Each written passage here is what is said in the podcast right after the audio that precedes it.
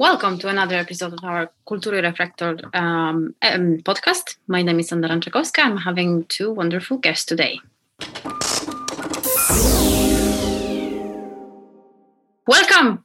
We have uh, two, again, powerful women in our uh, next episode, uh, where we're going to talk about uh, cross cultural communication and uh, diversity uh, in our day work, but focusing on arts management and let's explore what does that mean for us. So uh, today's guests, Dasha Karpilovic and Marge Sassi, both uh, lecturing uh, in EBS, both lecturing in our arts management program. Uh, we're going to dive into quite um, complex topic, but we'll try to keep it from the perspective of what our students are um, living through while studying with us and what does it mean to the field when they go further when we release them from from this grinder of our program? Um, dasha and marke marke actually in our pre-conversation gave me very good hints uh, what to say commonly about my two guests. So what is common for them is australia uh, estonia uh, ebs i mentioned myself. Uh, i will add to that dasha uh, lecturer in cross-cultural communication since 2018 with the background as marketing director in Baltics uh, in Huawei. I pronounced well, thank you. Um, Dasha originally coming from Belarus, yes, landed in Estonia, living before in China and Australia. Marge, Marge gave me hints like she's on the mission to deliver knowledge. So not pra- practicing, but practicing delivering the knowledge. Um, fan of Australian indigenous culture and forcing her kids to be into music, not being in the music herself, right? Am I correct now? Yes, that's true. Uh, so I'm setting uh, I'm setting it uh, I'm setting the settings now uh, because I want to open the discussion um, asking you and I will start from Dasha what does the term diversity mean for you and how do you frame it in your daily work Okay, so I think that diversity is, um, from one side, it's uh, a very complex issue. From another side, it's uh, really simple. Um, if I uh, try to come up with some, you know, exprompt, um, sort of uh, give it exprompt meaning, then it would be just a representation of uh, very um, representation of different people in a company yeah, or in a, in an organization. And by different i mean that uh, it's not only age uh, gender and ethnicity which is uh, the most common what we are thinking about when we um, talk about diversity but it's also their educational background their appearance um, their parental status uh, their um, religious views yeah so diversity is actually a very complex issue but uh, mostly when we talk about diversity we are talking about gender and ethnic origins ethnic origins okay mm-hmm. Yes, I would uh, make it rather short by saying that diversity, diversity is uh, wealth or enrichment, uh, enrichment that uh, provides us uh, so much more colors into our lives. It would be extremely boring if we all would be, you know, clones of each other. And I guess by meeting and working together with somebody who is really different from you, you kind of uh, find your own identity as well. So we need as much as possible different people around us to know who we are and, uh, and I, I, also believe that uh, whatever team in arts organization, in university, um, in society, um, when we are different, uh, then we kind of uh, improve our way of understanding and interpreting the world. So I would say that diversity, as we, we have in Estonia a slogan, there is a media campaign called Erinevus rikastab, uh, so basically, it's about diversity enriching us. And I guess that's the easiest way to say it. But additionally to what Dasha said, uh, Dasha mentioned uh, cultural uh, diversity. Perhaps this age and, and gender uh, and religion as well make us make us different. Mm-hmm. Marga, you are finishing your PhD now, um, where you're trying to also write about improving effectiveness of arts organization. How do you think does the diversity improve the effectiveness of arts organization mm-hmm. in practice? You know, because it told me on the individual level, if I live in a diverse environment that's enriching me as a person, what does that mean for the organization? Mm-hmm. Uh, in order to be effective, uh, uh, cultural organization uh, needs to play through different scenarios. Think about the consequences, think way in advance. And when we have this kind of a one paradigm, one focus, one perspective, uh, I would say it's not a focus at all. Having one focus uh, and, and not taking into account the uh, variety of different uh, views um, is definitely not what makes an organization strong. Therefore, I would say that uh, when there is whatever meeting, whatever decision that needs to be implemented, or whatever brainstorming, when we gather around the table different kind of people, whatever makes them different, uh, then this final outcome is so much better. And then also kind of uh, gather again and unite our forces uh, to, to implement the plans together.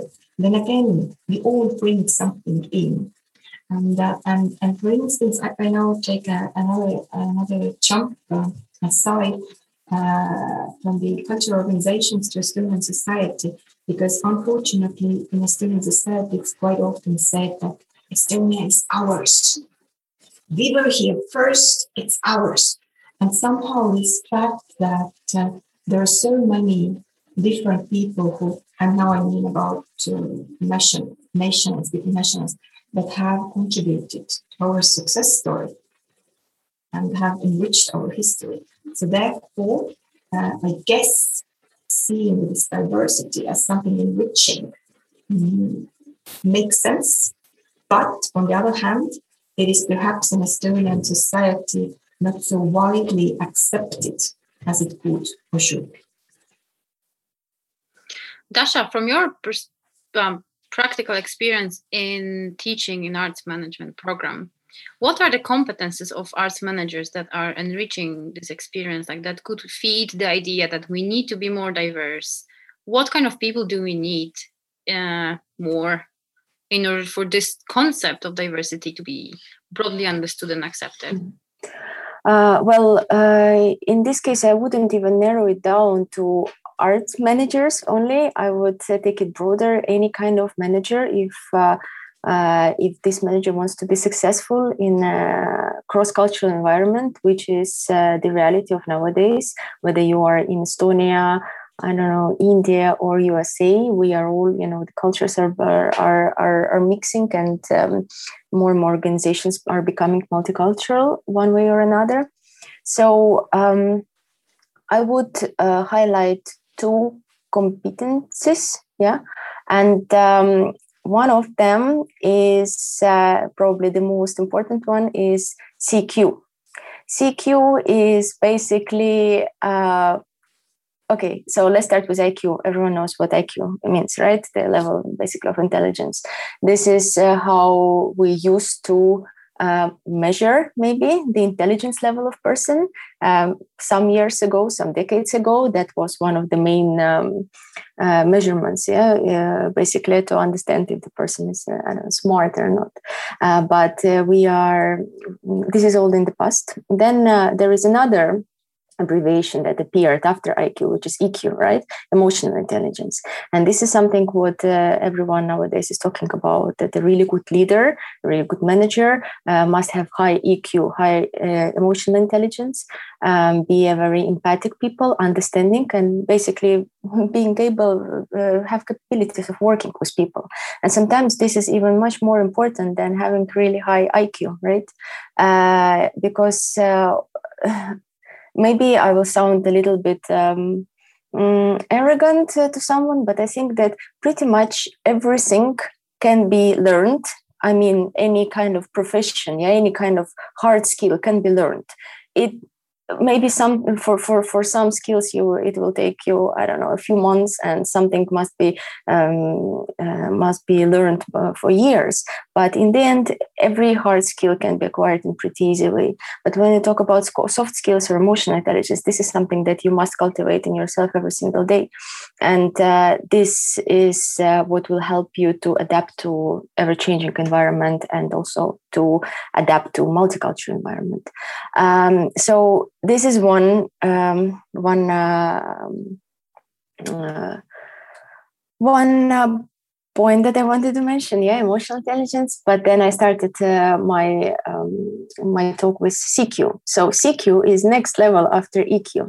CQ is basically cultural uh, cultural intelligence or or the level of your cultural awareness being aware of cultural differences. Just just simply but being aware that such thing exists yeah that we are different that there are cultural differences that people from different cultures might think and behave in a completely different way this already makes you stand out uh, from other managers from other leaders.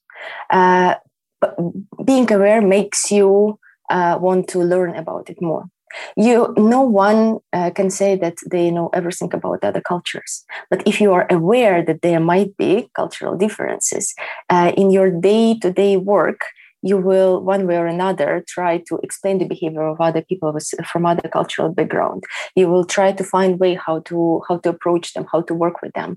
And this is another point that will make you um, a really uh, good uh, manager, uh, be it in arts or in any other organization. Mm-hmm. Um, well, CQ, that's something that I learned today. How, you know, you, you're sounding so, um, well, it, it's like a given, like it's so important. We are sitting here in three and we are, you know, sure about that. Everyone understands that. But my experiences are quite opposite right? My experiences are quite negative with understanding the importance with actually implementing these ideas in in institutions or even on a personal level. Um that's a really broader issue also you know what the, the you know political um, situations happening in poland uh, sorry in, in europe in and countries like poland belarus hungary and so on and so forth um, but my question is that how can we on the individual but also institutional level so not only as leaders but as people how can we raise the awareness of importance of this diversity how to coin the, the issue that people are afraid into something that it's of a benefit. Okay. Um, okay, thank you. Um, I would say that uh, hands-on approach would most probably work. Let it be rotation in an organization that you can actually try out the other jobs, see it from other angles.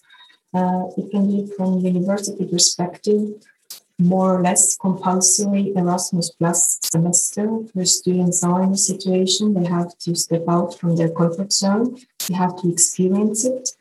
And, uh, and uh, I would also say that try to mix the teams as much as possible. What I see in Estonian business school happening quite often is that when there is a teamwork, students tend to build uh, very homogeneous groups, which is safe you know these people, they are your people.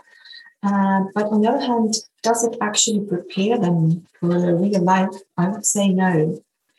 And, and therefore, this uh, mediator's role, whether it be lecturer or, or manager in organization, uh, should most probably be in uh, making this uh, coming out from the comfort zone uh, also safe and fun. So that uh, so that people are ready to, to try it out and as a result perhaps have this positive experience that uh, it was more challenging but also more fun plus the final outcome was finally so much more better. So it's worth investing more time and perhaps some more emotions into it when it finally turns out to be excellent result. Dasha. Um, first of all, I fully agree with what uh, Margaret has uh, has just said. Um, to add on top, uh, first of all, I think that okay, there are there there is uh, there are mixed feelings uh, you know, when it comes to quotas, yeah, uh, cultural quotas. Uh, but uh, I I still am on the side on, on thinking that this is a rather more positive uh, thing that pushes organizations to accept change rather than a negative thing. Uh, so I would say that introducing uh, cultural quotas or ethnic, yeah, some some sort of quotas in large organizations, uh, that might be a positive thing because it just uh, creates possibilities for people from different environments, um, uh, from from different ethnic regions to join this environment, but also it makes um, existing teams more diverse. It pushes people, as Margaret said, to come out from their comfort zone and um, to start uh, sort of learning about other cultures. But uh, I do know quite a few examples of um, several companies here locally in Estonia that um, sort of um, prefer to to keep uh, only same um, employees with same uh, uh, same uh, origins. Uh, yeah, uh, so there is sort of there are um, some companies that stick only to Russian employees or Russian-speaking employees, and then on the other hand, there are also companies that prefer Estonian employees only. And um, sometimes for large, especially for larger organizations, quotas can be a solution. And the second point, what I wanted to um, to to mention is. Um, there's quite interesting concept uh, that is not widely used, but I find it really uh, very smart, and I also uh, talk about it uh, uh, during my lectures. Um, such concept as cultural brokers. Uh, so they can be insiders or outsiders, and I'll explain what it is right now. So basically, if you have if you have a team or um, mm, you have a team maybe where only two cultures prevail, um, let's let's even take my my example of of uh, my company where I've been working uh, Huawei. Yeah, so basically, um, for instance, we have a, a Chinese uh, because the company has Chinese origins and large amount of Chinese, um, and we have uh, let's take a Lithuanian office uh, where uh, all the all the other employees are Lithuanians. So we have two uh, cultures prevailing, and none of these cultures actually wants very much to uh, to accept the cultural differences, and there is a lot of tension uh, because of that. And then uh, there is a person uh, like me who can be a cultural broker, yeah, so-called cultural broker. I've lived in China uh, for several years. I speak the language, I know the culture very well, and I can be, um, but I'm also so I'm not Lithuanian but I'm also not Chinese. I'm an outsider from both cultures, but I know something about both cultures, and I can help those cultures to get to know each other more yeah as an outsider of these cultures. I can uh, explain to one culture the behavior of another and vice versa. So this is something so such people as cultural brokers they can uh, help um, um, help teams uh, or help uh, yeah help parts of the te- teams that uh, if if there's too big um, for instance there's uh, there are two two prevailing cultures as in this case uh, such people can help them to just help to ra- raise awareness of, of cultural differences and this is something that would work um, in uh, particular cases I want to be a, de- a devil a devil's advocate in here. I'm going to throw something at you, and whoever feels like answering that, and please do. Uh, you mentioned quotas, so my devil's uh, background is going to ask: Why would we hire, as a culture organization in Estonia, someone who has no idea about our culture, even if they speak language? Let's say they came, they learn. Why would I take this person who has no idea about our roots about our you know ethnicity like how we are as people well external what would be yeah what would be the incentive why would we do it uh, i don't think there is any really tangible incentive but uh, external look external perspective should be always highly appreciated and and this person can actually tell what Estonia and Estonian culture is about. He or she can make us understand who we are and what we are, but also from the other angle, when arts organizations um, are sometimes um,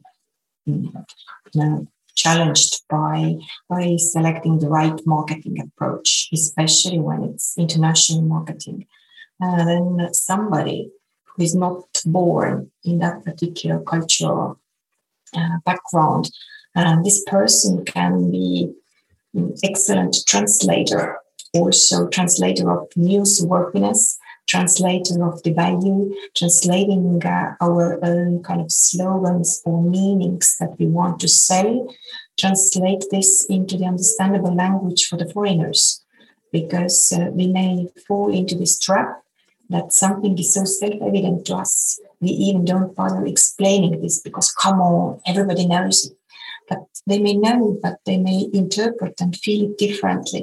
So I would say that um, yes, tip of the day. Uh, in case not uh, to a top management position, at least uh, one foreigner should be in every arts organization. No doubt in that and we all force them to be in marketing department. Uh, yes great idea. Um, i wanted to talk about this uh, culture brokers a really interesting concept. Uh, i kind of translated already in my head to kind of sort of agency like being an agent and advocate for, for someone for something. So i'm thinking uh, dasha what kind of again i'm not going to ask you about competences a personal personality personality personality traits of a person to be outspoken to this extent that I'm actually going to advocate. I'm going to be agent of or broker or of some certain um, you know culture or or or you know um, the diversity happening in my environment. So what do what do I need as a person?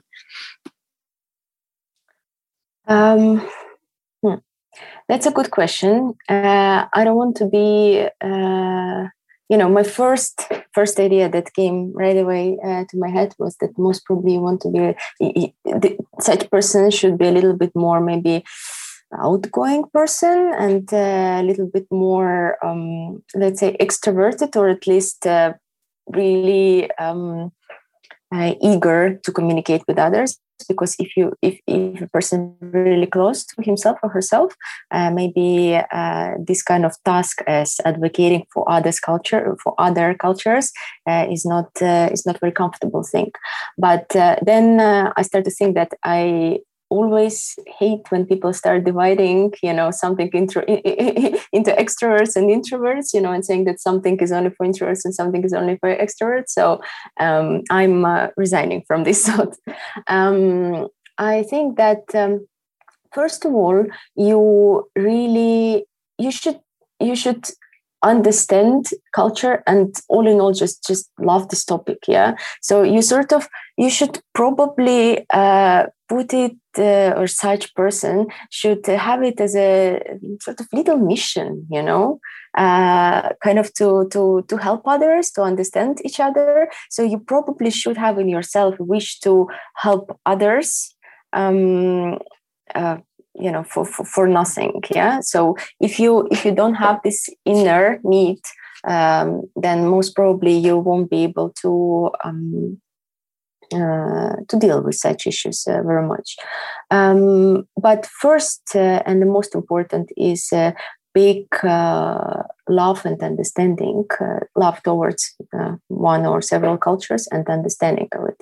Um, I'm taking it just from my example. Yeah, since I lived long time in China, I felt uh, really uh, that this is um, sort of my little mission, you know, apart from all my daily tasks uh, at the company, that I just uh, should explain other people uh, what it actually means, and so that there are less and less stereotypes and prejudices um, against this culture. So it all came from within, just from really big interest towards this culture and big love towards this culture and yeah so ba- ju- judging by my own experience i would say that this is important Marka, you told me before we started uh, your first childhood memory is uh, is the theater experience, and that you are not a musician yourself, but you are uh, n- nourishing this uh, this um, competences in your kids. Um, what are according to you as a person related to the arts management because you have a background in that because you're teaching in it but you're also a consumer what are the issues and threats to diversity in the arts field from your experiences? And, and how the second second question would be how to address them how to talk we talk a little bit how to talk about it in uh, my organization when i work but if we talk about consuming arts and arts production how do we address the very often underlying issues that are there and there are threats to diversity i guess um, um, now I, I present uh, really Estonian approach, right? And I kind of have this uh, feeling that uh, to some limits, uh, we are against diversity because we somewhere here, definitely not here, but somewhere here tend to believe that let me just say that marga is pointing heart and head for people for everyone who cannot see that. I can see that yeah. marga is pointing a head and heart. So basically i guess we somehow try to um, convince us that estonian culture needs uh, terribly the protection and it couldn't survive without the protection and uh, when we don't protect it, uh, we we kind of uh, lose it what we have, and uh, and and therefore, um, kind of this kind of integration and and mix is not always seen as as fully positive. But this is on a, on a kind of uh, on a uh, mainstream level. But when we think about, for instance, uh, why the film festival, Black Nights Film Festival, is, is so popular. There are many reasons, no doubt in that. And why the music festivals, Tallinn Music Week, why they are so popular. Uh, they bring this diversity into our homes. We can very clearly sense it, feels it, feel it, and be part of this. So actually, we are afraid we kind of feel that we need to protect what is ours. On the other hand, we really tend to enjoy this interaction. So it's kind of a paranoid situation. And uh, and I guess Anna is, is smiling. Anna has experienced this like last 10, 15 years, no, like more, more than 10 years. So you can most probably also also comment on that. But this is this is um, what I what I kind of feel uh, feel myself. And that was um, I spent uh, half a year in, in Australia two years ago. And I remember how I was first introduced to many people. And the first thing I said was that I'm Margaret, I come from Estonia. And there's no reaction ever followed to the fact that I come to Estonia.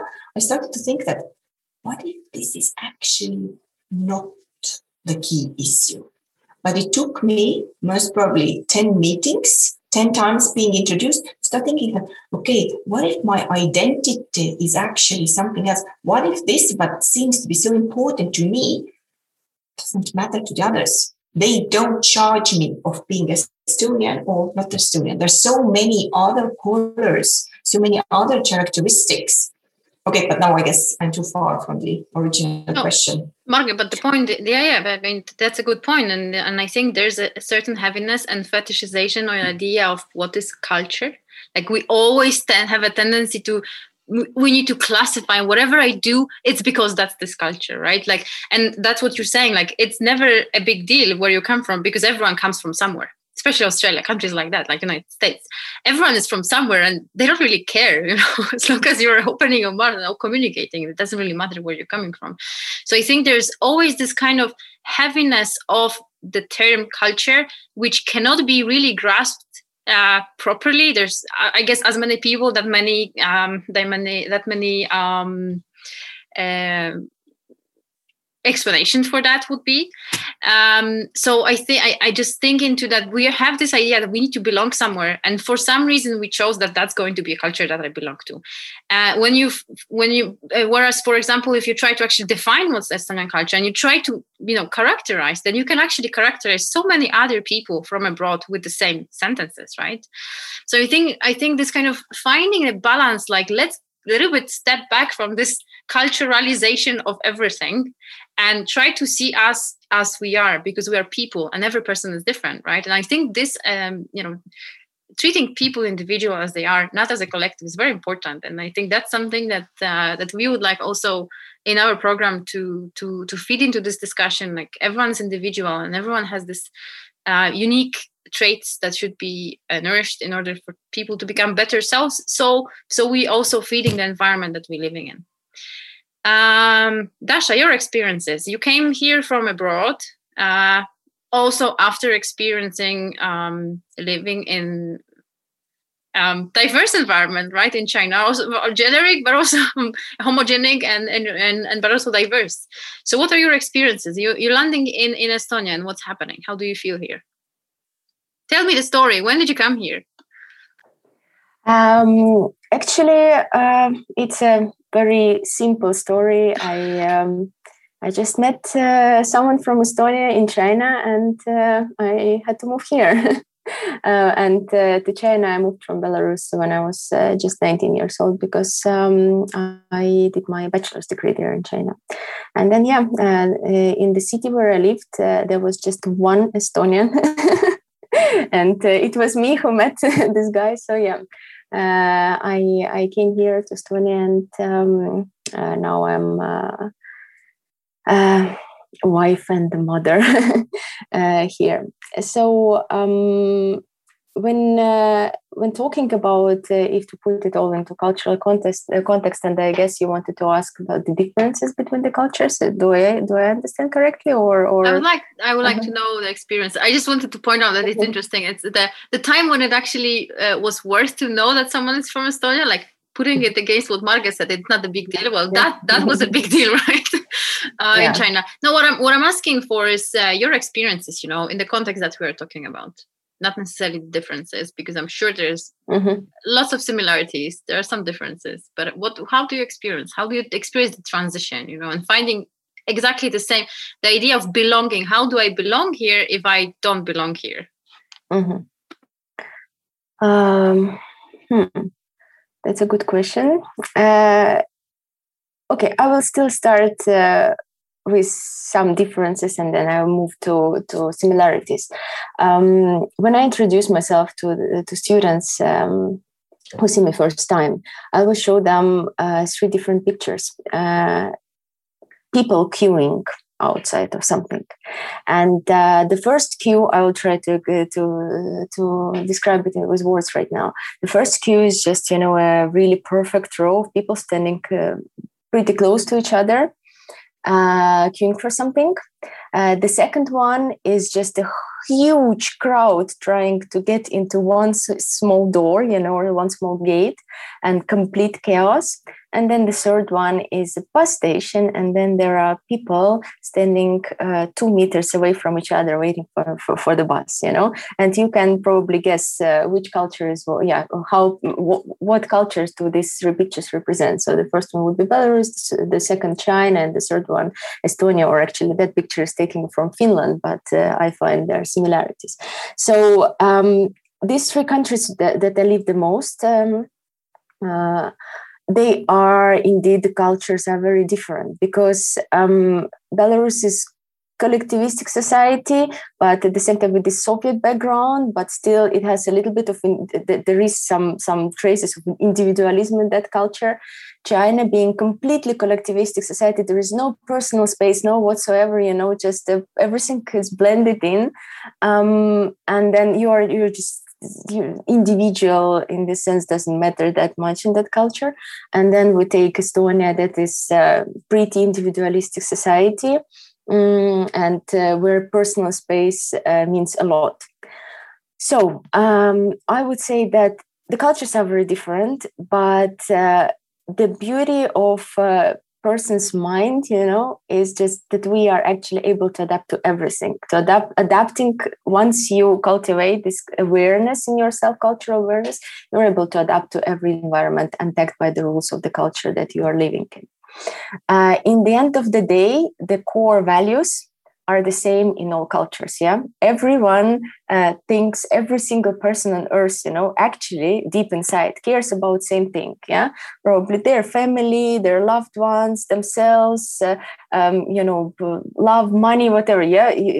So so this this uh, main desires values uh, everything what's deep inside us it's all same. It doesn't matter in which cultures yeah we're talking. So in this sense um, I say that from the from my experience living in different cultures, it's just uh, how everything is sort of. There are some rules that you have to um, obey basically in order to fit into society. Once you understand them, it's not that difficult anymore. You just find like-minded people, and then you um, you keep on um, living your life. But uh, it's never easy in the beginning. Uh, I obviously I would I didn't manage to become insider uh, in in China even within for within for, four years. It's uh, way too short time, and probably uh, no foreigner can ever blend into that society. Um, in Estonia, of course, it is a little bit more easy for me, but in the beginning, I still felt pretty pretty lonely and. Uh, uh, some um, some difficulties, but once you learn the language, which is extremely important for every culture and especially for uh, rather small cultures such as Estonia, because this is a matter of um, some sort of respect towards culture. So once you learn the language, once you're able to communicate with the locals um, on a maybe a bit easier level, uh, you are halfway through, basically becoming uh, one of uh, one of them. Anna, okay. may I ask you something? You have asked us. Uh, I have a question sure. for you as well, because most probably Dasha has at least one explanation. Anna, do you know where this comes that uh, most of the nations in Asia are considered representing uh, collective cultures, mm-hmm. and we North tend to be more individualistic? Mm-hmm. There are more explanations, but I know this one. What about you? You're asking me why do I why? Mm-hmm. Ah. Well, I only can express my opinion. Yeah, I don't have any background knowledge about Asian cultures. Not really my. Um, I give you just hint. My kind of um, the explanation that I have heard is extremely practical.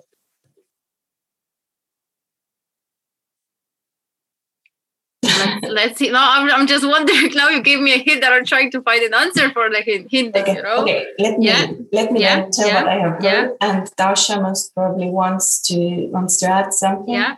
What I have heard that cultivating rice is uh, so demanding that the whole village is needed to contribute. While to raise potatoes, you can easily manage with one family's effort and you can actually live your life in your home um, uh, home house with the people that form your core family. And you don't meet other people right? But in china you will not survive when you work alone and exist alone. Just one possible explanation that, that's an interesting explanation, but we should remember that potatoes were brought to to Europe only in 14th century. So there should be some explanation uh, when it comes to wheat, cultivating uh, uh, wheat, yeah, and rye. Let's look into the buckwheat. Yeah. yeah, but yeah. probably it's uh, it is the same. Yeah. Yeah, but it's like I mean these are great insights. And by the way, I haven't heard, yeah I haven't heard about yeah sorry you're Dasha, yeah yeah Dasha, talk talk you haven't heard yeah. Yeah, I was just uh, wanted to mention that I haven't heard about mm. it, but that's a really interesting series. So I will mm-hmm. definitely mm-hmm. later go and Google it more. Yeah, well, from my experiences as a mother, I, the only thing that I can agree is that it takes a village to raise a child. And you know your interpretation of a village is always changing in the context that you're living in. So so i'm collecting my village in here in estonia although it's not my village right? I'm also i'm also a foreigner. I came here 13 years ago. And it until now i, I still feel feel like a like a foreigner. Uh, and i don't think it will ever change. So so but, but what i wanted to say like insights are great. And i think that gives us a lot of uh, points for new discussions further and uh, because I'm looking at the time as well. So, um, so I wish that uh, Dasha, that you have great experiences with our students uh, in the near future. Actually, this semester already, uh, the, the, autumn semester, and with Marga, we're also meeting uh, in our program, and uh, I hope that opens mm, doors for for um, important discussions because there's so much more to that. You know, there, there's there's lots of things we didn't touch upon like the reasons for issues like that and why are they happening and what are the things happening that we don't see? So so i hope uh, for the second you know sequel is coming in september uh, as we returning after after the break. And for now uh, if there's anything that we you would like to add? And if not i'm thanking you very much and um, uh, we had Dasha Karpilovic and uh, Marga Sessi from EBS, and I hope you enjoyed and we meet next time. Thank you. Bye. Thank, Thank you.